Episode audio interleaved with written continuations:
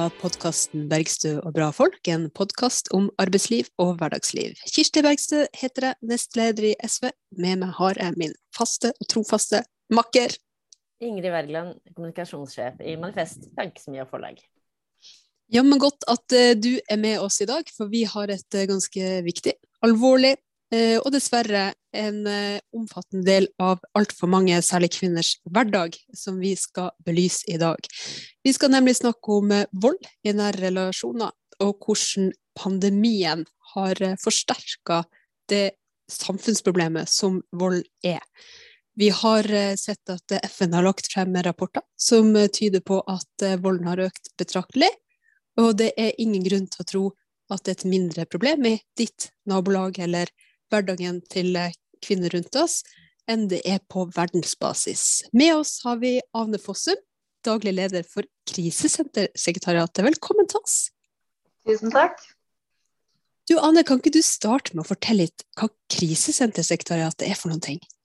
Jo, det kan jeg. Eh, Krisesentersekretariatet vi er en eh, organisasjon for krisesenter i Norge. Så vi er en paraplyorganisasjon som både da jobber for å styrke krisesentertilbudet, men også skal være en stemme for de voldsutsatte. Så vi jobber jo med vold i nære relasjoner og vold mot kvinner. Og så eh, jobber vi jo da ja, mye politisk. Eh, jobber med lobby, jobber med påvirkning. Eh, og så ikke minst å prøve å frem eh, både tematikken da, vold i nære relasjoner og vold mot kvinner, men også prøve å vise frem den situasjonen som er for krisesentrene i dag. Um, fordi det er jo dessverre sånn at det, det er ganske mange politikere som, som, er opptatt av å snakke om vold i nære relasjoner uh, og syns det er viktig, men det er ikke akkurat noe sammenheng mellom måte det og det tilbudet som krisesentrene kan gi altså finansiering f.eks. av krisesentertilbudet. Så vi syns jo det er lite sammenheng mellom ord og handling, eller ord og penger, da, kan man kanskje si. Mm. Men du, bare for å være sikre på at lytterne våre har felles forståelse av hva, hva krisesenter faktisk er, kan ikke du fortelle liksom, hva, hva, hva, er et krisesenter, hvor finnes de, mm. eh, mm. hva, brukes de til? Mm. Krisesentrene er jo um, et uh, bo bo- og på en måte hjelpetilbud da, for alle. Et lavterskeltilbud hvor alle kan komme. Kvinner, menn, barn kan komme dit hvis man er utsatt for vold. Og med vold så mener, jeg ikke bare at du blir banka opp, men altså psykisk vold, eh, kontroll, eh, all slags mulig altså Det er mange typer former for vold. da så man kan komme og få hjelp. Um, og du trenger ikke altså Det er ikke noe henvisning, det er ikke noe venteliste, det er ikke sånne ting. altså der du kan ta kontakt med et lokalt krisesenter og få, få hjelp med det samme. Og det finnes 44 krisesenter rundt om i Norge. Mm. Jeg er jo så heldig at jeg har jobba på krisesenter. Eh, og det er jo eh, meningsfullt eh, arbeid. Eh, og, og, også eh, høyst nødvendig. Eh, og det hadde vært litt interessant å høre deg si noe om det, Anne. Hvordan eh, dere har merka pågangen nå i forhold til før. Nå er mm. det jo sånn at vi i, Norge ofte hører taler om hvor likestilt vi er, at Eh, at eh, vi nærmest fremmer likestilling som, som en norsk verdi, eh, kan man til og med høre, hva det enn måtte, måtte bety. og noen av oss er opptatt av at likestillinga, også et liv uten vold, har en, en, tett, en tett sammenheng. Så hva er egentlig statusen sånn, i Norge, og også den, den endringa dere har erfart under koronaepidemien? Mm. Altså Hvis du bare på en måte ser på tall, eh, krisesenterstatistikken f.eks., som Bufdir før hvert år, så ser det ut som at eh, vold i nære relasjoner har gått ned. Fordi det har jo vært færre henvendelser, altså færre beboere i 2020 enn eh, en tidligere. Men vi vet jo at volden har gått opp. Så det er jo pga. pandemien på samme måte som at færre har henvendt seg til fastlegen altså sånn, og henvendelse generelt til hjelpetilbud. Så det samme har skjedd på krisesentrene. I hvert fall når det kommer til beboere, og i hvert fall i 2020. Men, men det vi ser, er at henvendelser på da, altså dags henvendelser, dagsamtaler, telefonsamtaler, alt det her, det har jo økt for de aller fleste. Så behovet har jo fortsatt vært der. Eh, men pga. pandemien så har det en del plasser vært kanskje vanskeligere for folk å komme seg til et krisesenter. Man har altså spesielt i begynnelsen av pandemien vært usikker på er det trygt. Altså det er jo et hus der det er flere folk som bor sammen. Altså folk kan jo kanskje ha vært redd for smitte. Eh, kanskje man har vært usikker på er krisesentrene åpne. Og det har jo vi prøvd å være veldig klar på. At krisesentrene har jo vært åpne hele tida. Det, det er ingen senter som har vært stengt pga. Eh, konsekvenser av pandemien. Men det var en, en altså, dramatisk nedgang av beboere i begynnelsen, med nedstengning i mars i 2020. Og så har det tatt seg opp, og så har det økt med henvendelser generelt på dagsamtaler og sånn. Og det vi òg ser, vi drifter jo òg um, et hjelpetiltak som heter volds- og overgrepslinja, som både er en telefontjeneste og en chat. Og det har jo eksplodert med henvendelser der. Um, og ikke minst òg etter at vi åpna chat, chattefunksjonen i april 2021, hvor man da kan få hjelp lydløst. Altså man kan da, Hvis man under pandemien har sittet fanga i sitt eget hjem sammen med voldsutøver, så kan man likevel faktisk snakke med et hjelpetilbud uten at nødvendigvis den du er fanga sammen med, vet det. Så det er jo Ja, det er ganske Altså, tallene i seg sjøl, de, de, lurer oss. Vi kan ikke se på liksom, krisesenterstatistikken og tenke at å ja, det har gått ned. Fordi realiteten er ikke sånn. Så, så det, ja, det er et sammensatt bilde. For det er jo kanskje det som er den store forskjellen under pandemi og, eh, og, og, til vanlig, at man i større grad er fanga eh, i eh, innenfor de samme veggene som voldsutøver uten å komme seg ut. Men, mm. eh, men hva er de fortellingene dere hører om? fordi vi vet jo at det er en del andre elementer som altså eh, Er det grunn til å tro at det at familie er stengt inne, eh, også øker, øker volden, den frustrasjonen som kommer med usikkerhet og tap av økonomi og, og trygghet? Hvilke tanker gjør du deg om det, Anne? Hva er det som gjør at volden egentlig øker under pandemien? Mm. Jeg tenker hvis man, altså, hvis man bare tenker på hvordan man sjøl har hatt det nå under pandemien altså, jeg som har så, altså, Hvis du har vært uh, tvunget til å være på hjemmekontor og tvunget til å være mye hjemme sammen med på en måte, familien din, så irritasjonsnivået hos alle øker jo.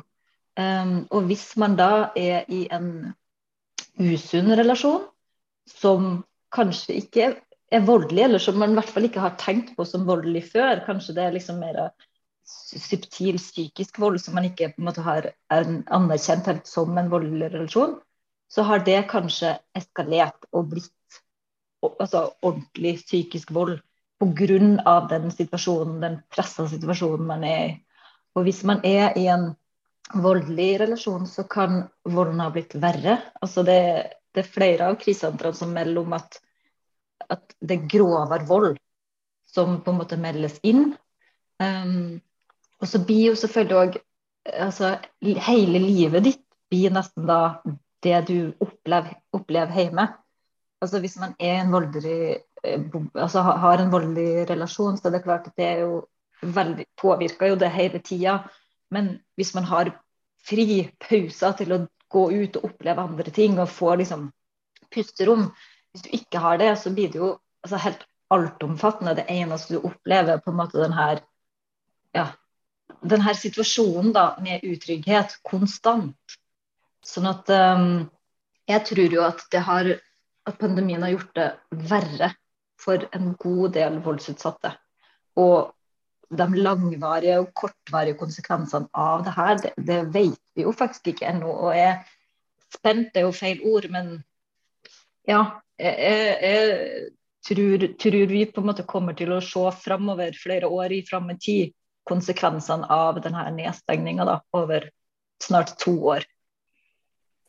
En ting er jo at folk er tvunget til å være mye hjemme. altså Du nevnte jo også hjemmekontor. Men, men det har jo vært liksom, veldig mange som har vært permitterte. Det har vært en, eh, ja, mange som har, som har mista levebrødet sitt.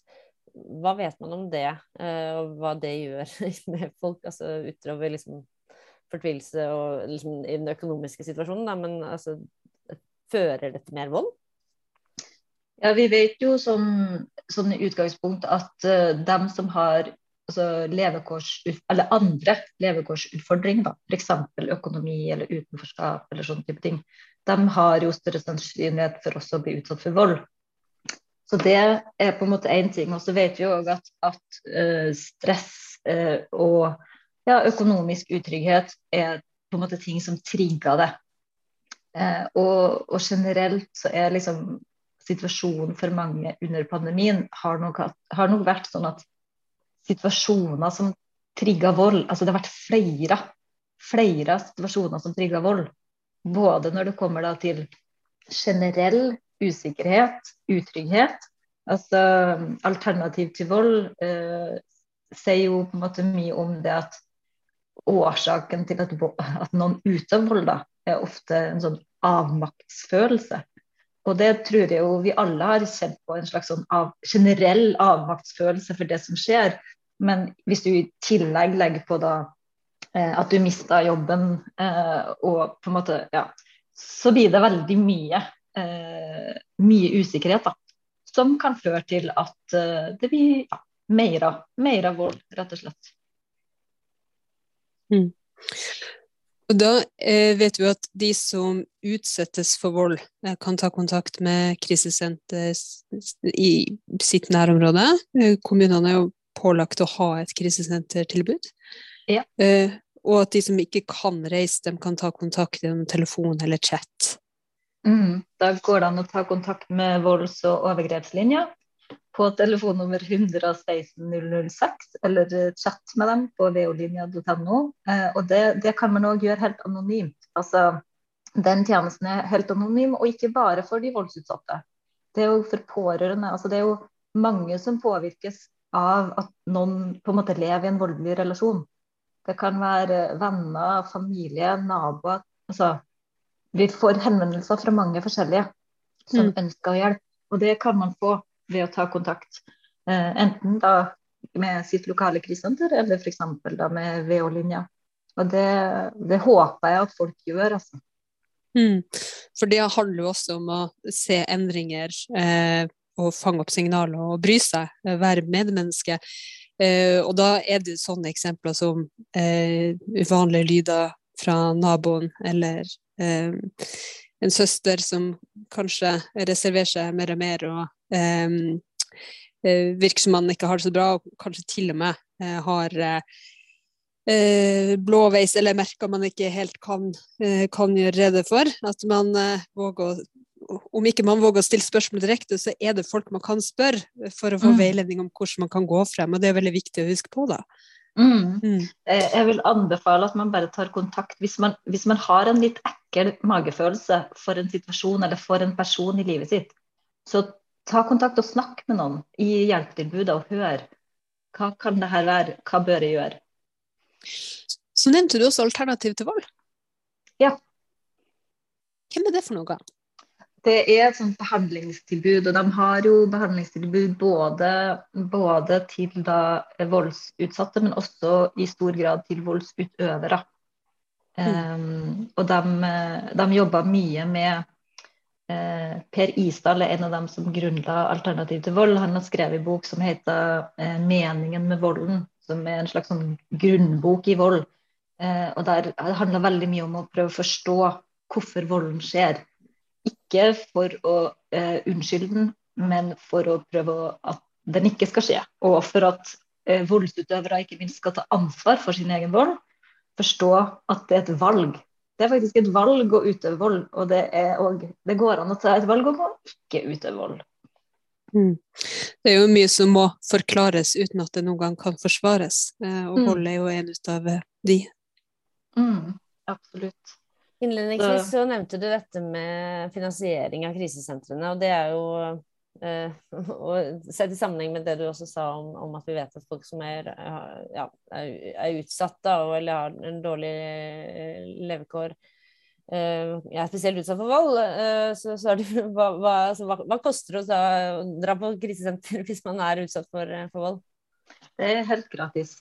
Det, det, er et, et lavterskelt tilbud som er åpent for alle og er gratis, og du trenger ingen Du kan bare ta direkte kontakt med ditt lokale krisesenter og få hjelp. Altså, og, du, det, og, du, må ikke bo på et krisesenter for å hjelp, få hjelp av et krisesenter. De har masse dagtilbud òg. Du kan bo hjemme, og du kan komme dit og ha samtaler, eller du kan få veiledning og få hjelp med veldig mye. sånn at det er et veldig sånn bredt tilbud. Og jeg må bare, bare skryte helt uhemma av alle de som jobber på krisehåndter, for de gjør en helt fantastisk innsats alltid. Men jeg tenker sånn, nå under pandemien òg, så har de vært utrolig flinke til å bare omstille seg, tilpasse, eh, jobbe under særdeles strenge smitte, smittevern, og ikke minst ikke kunne gjort jobben sin på den måten som de vanligvis kan. Altså På krisesenter så på en måte jeg forbinder det litt med at du kommer inn et sted, hvis du er voldsutsatt, så kommer du dit, og så endelig kan du puste fritt. Og så med, med munnbind så føles det ikke liksom like fritt. Så det blir mm. liksom noen det, det, har vært helt annerledes for de ansatte på krisesentrene å jobbe når man ikke har kunnet, kunnet hatt liksom den nærheten til brukerne. Da. Men de har, de har gjort en fantastisk jobb. Nå nevnte du i sted, Kirsti, at eh, kommuner er pålagt å ha et krisesentertilbud, og, og du sier jo det er gratis, men, eh, men, eh, det er jo bare for veldig kort å nevne litt historien til krisesentrene, så er jo det da det er jo, et, det er fruktene av kvinnekampen på, på 70-tallet. Så det er jo det er noe med at det, no, som, som, det kan kanskje høres for, for, våre yngre lyttere, da, så er det bare verdt å nevne at dette, det som nå kan høres ut som et, på en måte et tilbud som kanskje alltid har vært der, og, og, som er en naturlig del av velferdsstaten, så er jo dette, dette er jo noe som springer ut av, av genuint grasrotarbeid og aktivisme på, på 70-tallet. Absolutt, det er det. Og det, er, det, har vært basert på masse frivillighet. I årevis var krisesentrene drevet i stor grad av frivillige. Det er en helt utrolig innsats som ble lagt eh, inn, da, spesielt av kvinnebevegelsen. altså krisesenterbevegelsen stammer fra kvinnebevegelsen. Så det, men eh, det er jo et lovpålagt tilbud, men allikevel er det et tilbud som er under sterkt press. og som er så Det er mange krisesenter som har svært stram økonomi, og som nærmest uh, opererer på sparebluss, og som må skjære tilbudet ned til beinet. Så det er liksom det, det absolutt, Selv om det er lovpålagt, så er det ikke et tilbud som er, er langt nær godt nok. Så vi, Det er jo en av de tingene vi selvfølgelig ønsker å jobbe for, er jo å vise hvordan situasjonen faktisk er. Hvordan det reelt er for krisesentrene der ute, og ikke minst prøve å styrke det. At de får ekstra, altså en ordentlig, en ordentlig finansiering, at de har nok folk at de kan ha et døgnåpent tilbud som, som de jo er lovpålagt. Mm.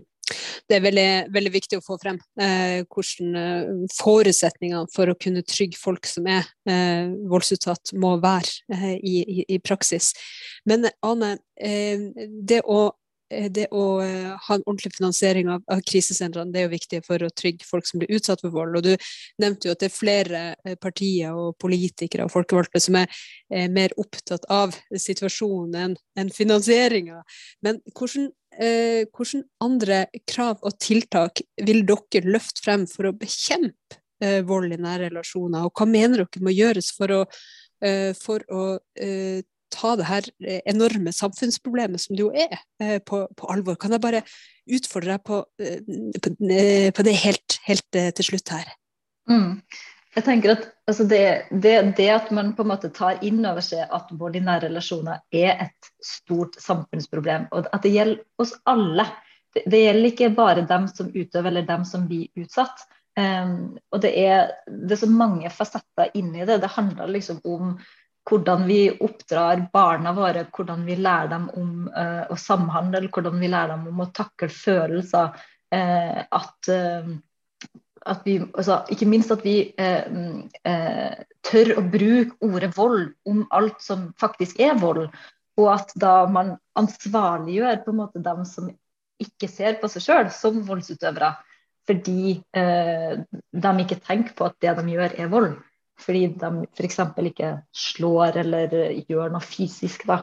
Eh, det er så mange former for vold, og det har så alvorlige konsekvenser. Altså, psykisk vold har, altså, kan ødelegge livet til folk. Så det å på en måte ta inn over seg hvor, hvor alvorlig det er, eh, få fokus på det, eh, ha det oppe i, i, samfunnsdebatten, ha det inn i altså, skole, barnehage, at man òg har um, gode da, hjelpetilbud, styrking av krisesenter, at man legger eh, ikke minst eh, byrden over på voldsutøver og ikke de voldsutsatte, f.eks. At man har omvendt voldsalarm i stedet for at eh, den, den voldsutsatte må bruke voldsalarm. Altså det, det er veldig mange, veldig mange ting da, som, som, jeg mener at det er behov for. Eh, mm. og Det første er at man på en måte hever det opp som det alvorlige problemet det er, at det gjelder oss alle, og at vi alle òg har et ansvar for å på en måte følge med. Eh, hvis det er noe vi ser, noe vi reagerer på, at vi tør å på en måte spørre og tør å si ifra, og at vi hjelper hverandre. At vi er liksom den her brysomme naboen som At vi bryr oss om hverandre, rett og slett, og at vi ikke aksepterer at noen utsettes for vold. Mm. Alle har rett til et liv fri for vold. Da må vi jo kanskje også nevne barna, for vi vet jo at det er like skadelig å være vitne til vold som å bli utsatt for vold. Eh, mm. Så eh, om man tenker at eh, de tilfellene der man har denne følelsen i magen med at noe er galt eh, sant? Vi, Hvis det er unger involvert, så nøl nå i hvert fall ikke. Ikke engang den dagen ekstra for å tenke deg om. Helt enig. Og vi ser jo det at sant, volden den går, altså, går i arv. Eh, så, så, på en måte er du utsatt for vold, og altså, du er utsatt for vold hvis du er vitne til vold. Da er du òg voldsutsatt, og, det kan påvirke hele livet ditt. Eh, så det er kjempeviktig å, å ja, tørre tør å gjøre noe. Altså, det verste som kan skje, er jo at du tar feil. Og da, OK, det er litt ubehagelig for det, men tenk så bra uh, at du har tort. Så, så det, det, er viktig at man tør tør å si fra. Det kan, redd, kan jo eh, redde liv, rett og slett. Det kan det. Ane, vi er veldig glad for jobben du gjør i Krisesentersekretariatet og for voldsutsatte eh, eh, som, som, trenger både politisk arbeid og ikke minst den beskyttelsen eh, for, for, sitt liv. Men eh, vi har jo et fast spørsmål i denne podkasten som vi må stille også i dag, og det er hva var din første jobb? Min første ordentlige jobb det var faktisk som støttekontakt i Bodø kommune for eh, sønnen til et vennepar og foreldrene mine. Mm. Så Det var den første ordentlige jobben min, og det var, var veldig hyggelig. Ja, Hvor gammel var du da? Da, eh, da var jeg 18. Så hvis du trekker trekk fra, trekk fra liksom sånn eh, dagmamma for naboen og søskenbarn og sånn, så var det den første ordentlige jobben min. Ja, hva gjorde du som støttekontakt da? Da tok jeg med meg han gutten på kino eller på 4H-gård, eller vi var ute og leka, og var jo en avlastning da, rett og slett, for familien hans. Mm. Så det, det, kan jeg absolutt anbefale. Det gjorde jeg på videregående. Det er en veldig fin jobb å ha både tror jeg, ved siden av studiet og når du går på skole og generelt. Ja, det kan jeg skrive under på. Det har jeg også vært. Eh, og det er en veldig fin måte å jobbe med, med folk på, også for, for, ungdommer. Og det å gjerne eh, Det å være ungdom som jobber med eh, barn og andre unge, er jo, er jo en, en, hjelp som kanskje eh, tilfører noe ekstra i livet til dem som trenger det. Mm.